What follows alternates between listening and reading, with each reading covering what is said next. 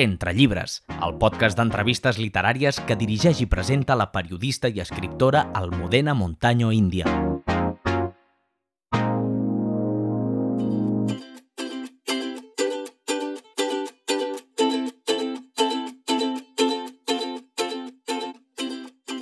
Benvinguts a Entre Llibres. Avui indagarem en un gènere de misteri, la novel·la negra. L'advocat Jaume Arasa ha publicat Joc de Màscares, un llibre on la protagonista és una periodista de Barcelona que prepara un reportatge d'un famós empresari de moda del Maresme.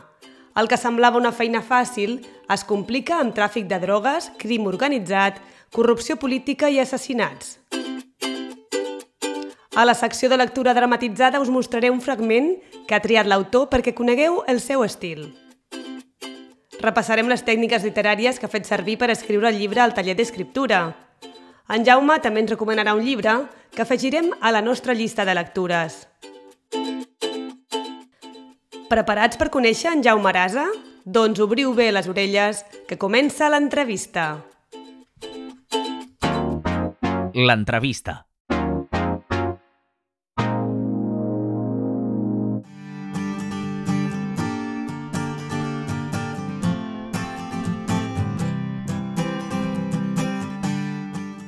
En Jaume Arasa va néixer a Tortosa fa 31 anys. És advocat especialitzat en dret laboral i amant del gènere negre des de ben petit. Bona tarda, Jaume, com estàs? Bona tarda, Almudena. Tot molt bé. Sí, tenia moltes ganes d'entrevistar-te per dos motius. El primer perquè has escrit una novel·la de gènere negre i m'interessa molt, i d'altra banda perquè, per ser un autonovell, la teva novel·la està molt ben estructurada i la trama té un desenllaç impactant. Per què t'has aventurat amb el gènere negre? Uh, bé, jo des de ben petit he sigut un lector empedreït de novel·les d'aventures, novel·les de misteris, detectius, i a poc a poc aquest, aquest interès per aquest tipus de novel·la doncs, em va motivar a continuar llegint i coneixent altres autors d'aquí i d'allà, primer els americans, després vaig saltar als europeus i els d'aquí a casa nostra, i això a poc a poc m'ha fet conèixer el gènere, inclús al batxillerat eh, vaig fer un treball de recerca en què es, dia, es titulava Lladres i Serenos, una aproximació a la novel·la negra catalana, en què vaig estudiar, vaig fer una, una comparativa, una, un anàlisi comparat de tres novel·les d'autors catalans i això em va, fer, em va permetre conèixer el gènere des de, des de dins, no? I això va ser, com, i aquesta novel·la és la culminació d'aquest treball. I per aquí, per això em vaig decantar a fer això. Sí, és un treball de recerca sobre novel·la negra, un treball que va ser premiat també, no? Quines conclusions vas treure d'aquest treball? Um, en aquella època, quan jo ho vaig fer, clar, jo tenia 18 anys, uh, en aquella època el gènere negre encara no estava molt, no estava molt visibilitzat a casa nostra. Eh, és més, era un gènere que es considerava de segona i a poc a poc um, he anat veient que és un gènere que cada vegada està més arrelat a, entre lectors i escriptors i fins a dia d'avui que és un gènere que es pot considerar de primera categoria, per dir-ho d'alguna manera, fins al punt que s'estan creant molts eh, festivals a tot arreu del país i inclús cada dia hi ha més lectors i lectores interessades en aquest gènere i inclús escriptors i escriptores. Vull dir, és un gènere que està molt a l'alça actualment. I quins són els teus referents en novel·la negra? Uh, sí, a nivell de referent de casa nostra, jo tinc l'Andreu Martín, que és un escriptor prolífic de casa nostra que ha fet... Jo vaig començar a conèixer-lo quan llegia novel·les juvenils, on el protagonista era Flanagan, però també tinc autors com el Camilleri, eh, Dashiell Hammett, eh, Raymond Chandler, que són americans, eh, també a Pedrolo, i a Petro Markaris, que és un, un escriptor grec i que ha, ha tractat molt el tema de la novel·la negra des de la vessant més econòmica, des de l'època de la crisi econòmica fins a... Bueno, ha intentat introduir la, eh, la crisi econòmica com a rerefons de les seves novel·les.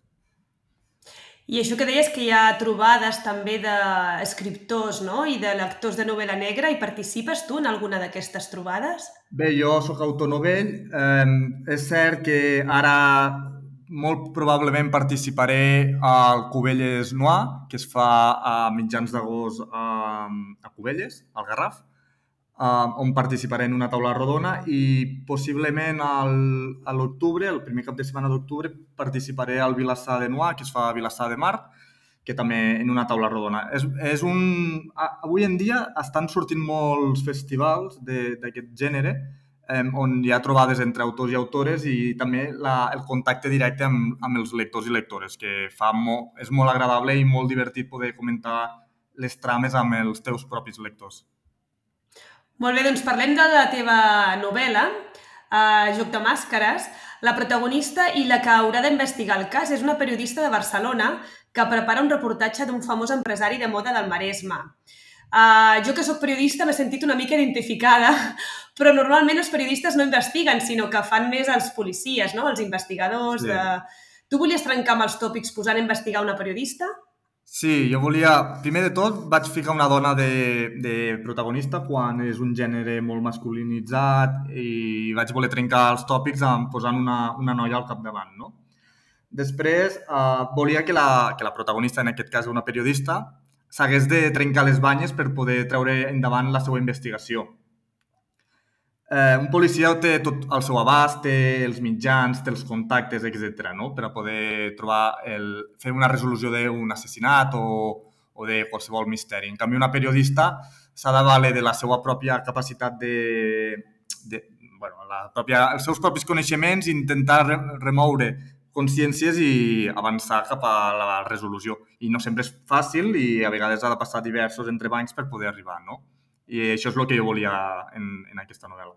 Que no fos fàcil, no?, de trobar Exacte, les perquè un policia, no? al final, al final un policia o un investigador uh, té la capacitat o davant de certes situacions pot reaccionar d'una manera. Una persona de peu, com podria ser una periodista, eh, potser no té l'estómac ni, ni la fortalesa per poder fer front a determinades situacions.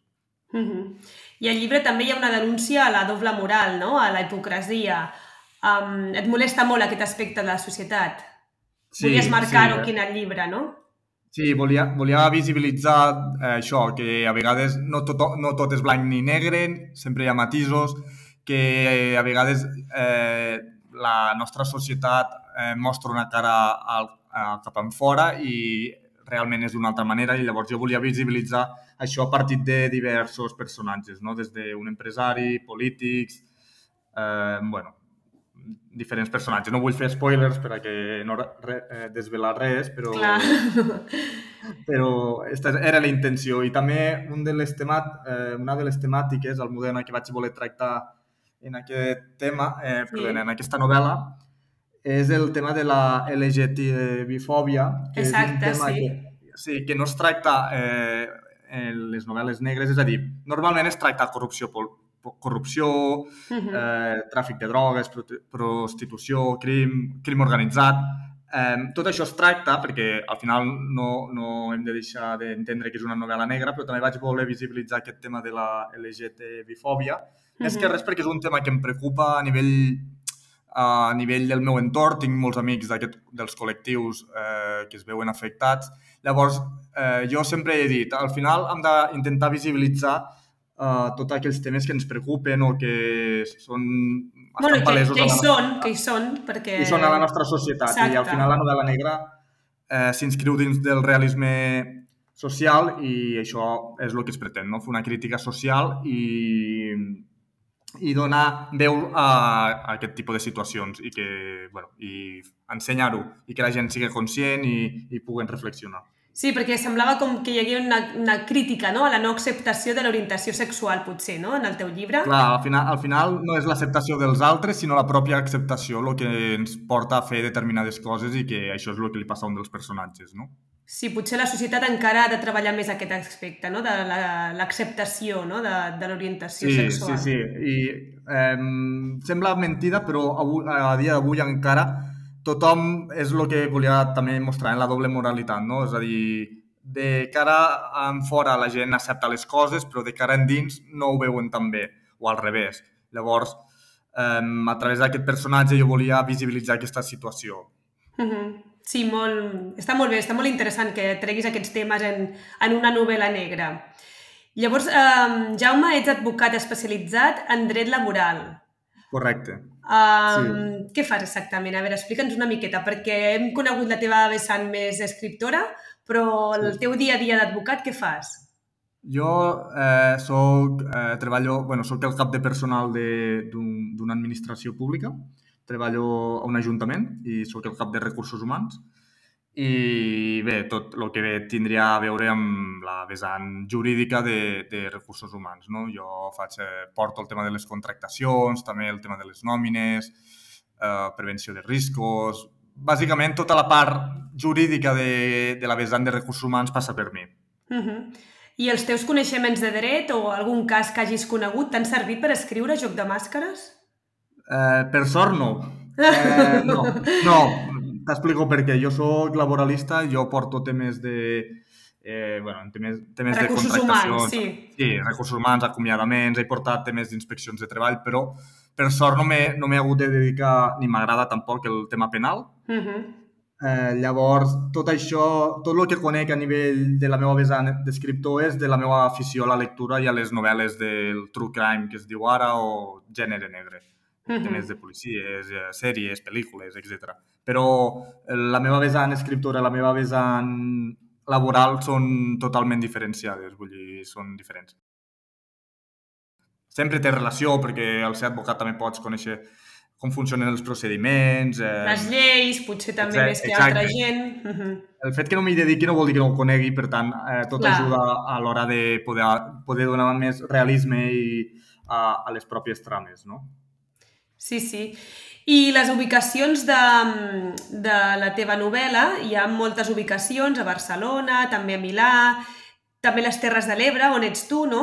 Sí. Uh, què té d'especial les Terres de l'Ebre? Explica'ns una miqueta, aviam. Uh, bé, eh, un petit incís. Uh, pel que fa a les localitzacions, uh, estan buscades expressament per dos motius. Una, per, per, la, per la manera de fer evolucionar la trama, eh, els escenaris m'anaven molt bé per poder fer una trama creïble i, i que tingués coherència entre ella mateixa, entre les diferents coses que passen, i l'altra perquè són quatre escenaris que conec molt bé.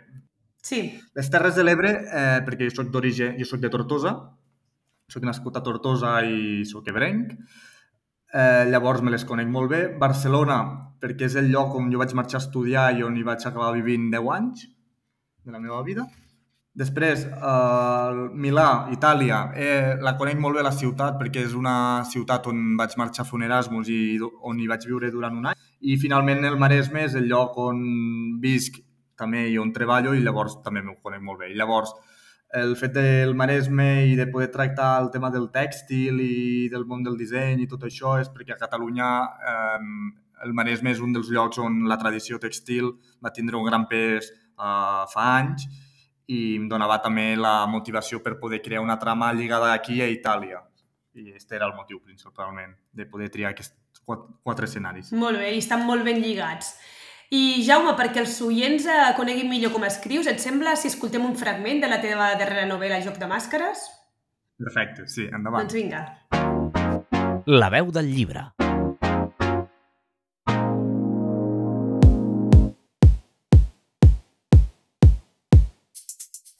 Les veus eren cada cop més properes. Reien, parlaven entre elles. No entenia res, semblava rus o alguna llengua que s'assemblava.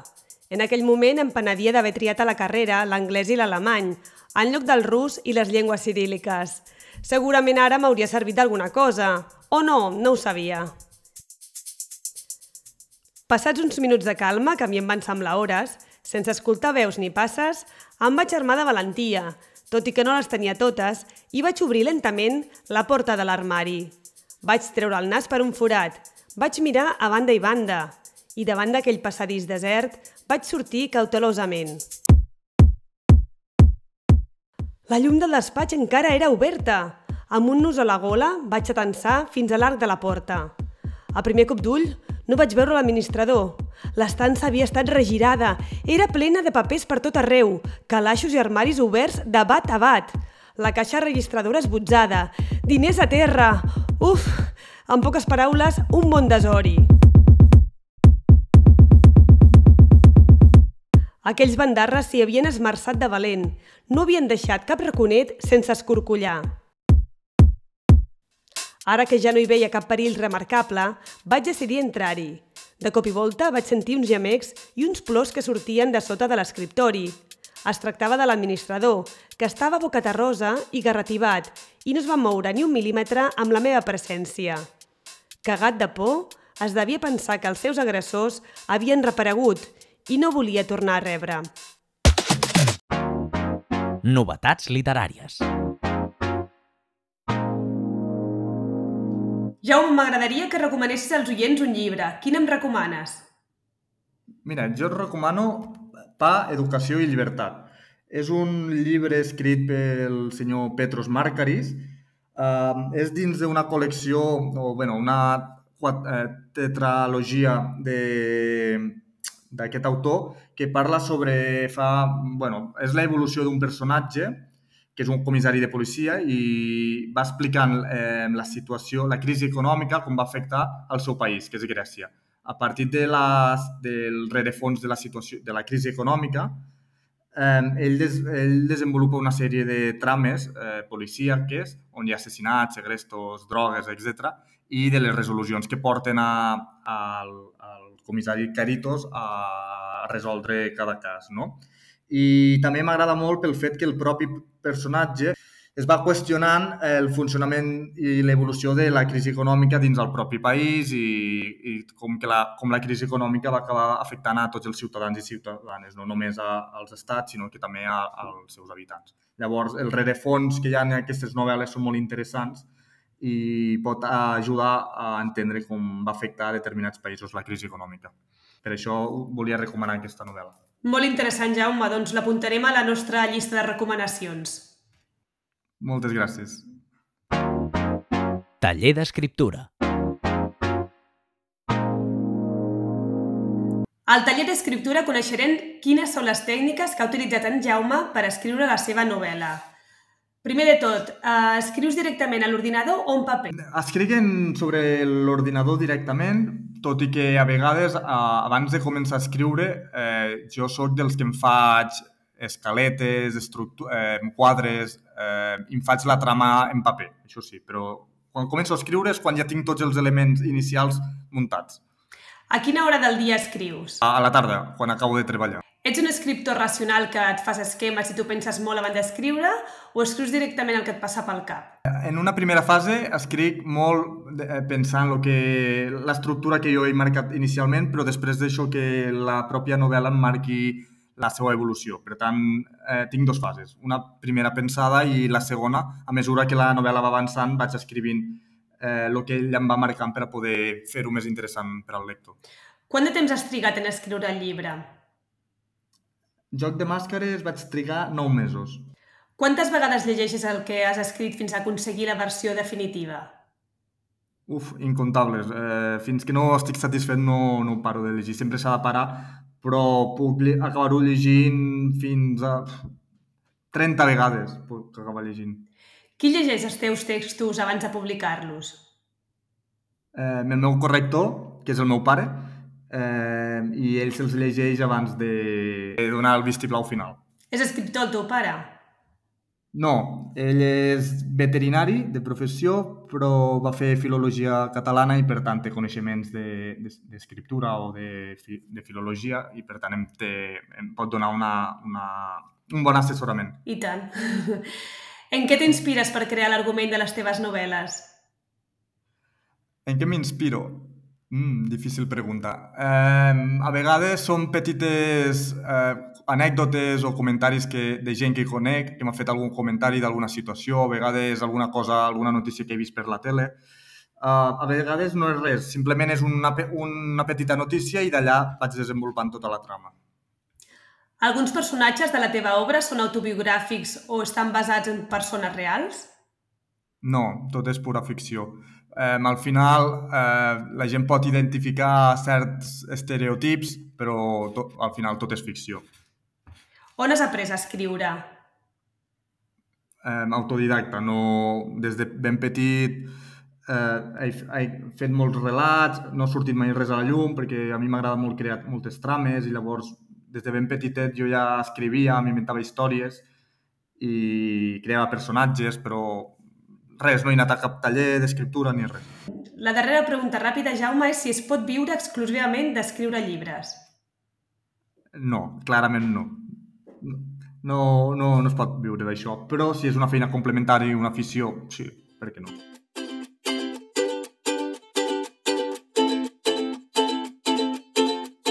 Jaume, ha arribat el moment d'acomiadar-nos. M'ha agradat moltíssim entrevistar-te perquè m'ha après moltes coses sobre novel·la negra. Uh, recomano totalment la teva novel·la, Joc de Màscares, perquè és una novel·la amb una intriga i una resolució final molt, molt, molt bona, uns personatges també molt ben buscats i et desitjo molta sort amb aquesta novel·la. Moltes gràcies, Almudena. Gràcies per donar-me l'oportunitat de poder parlar uh, dins el teu programa. I uh, estic content que t'hagi agradat la novel·la i espero que ens puguem retrobar en alguna altra ocasió. Perfecte, doncs estem en contacte i si escrius més novel·les, perquè aquesta ha sigut la primera i sí. m'imagino que deus tenir més idees de publicar alguna cosa més. Sí, ja estic treballant ja en una segona Ah, això no ens has que... explicat. Bueno, era per no desvetllar, però sí, estic treballant en una segona novel·la on la protagonista tindrà, bueno, continuarà participant i serà la protagonista de la propera. Ah, la mateixa protagonista no? Sí, sí, sí, la mateixa protagonista, la, la Legna. Uh -huh. Tinc intenció que pugui continuar tenint trames, investigacions i aventures, per dir-ho d'alguna manera. Ah, doncs vinga, a treballar, que tenim ganes de llegir-lo ràpid. Perfecte. doncs vinga, moltes, moltes gràcies, gràcies, Jaume. Una forta abraçada. Igualment, a tu. Fins aviat.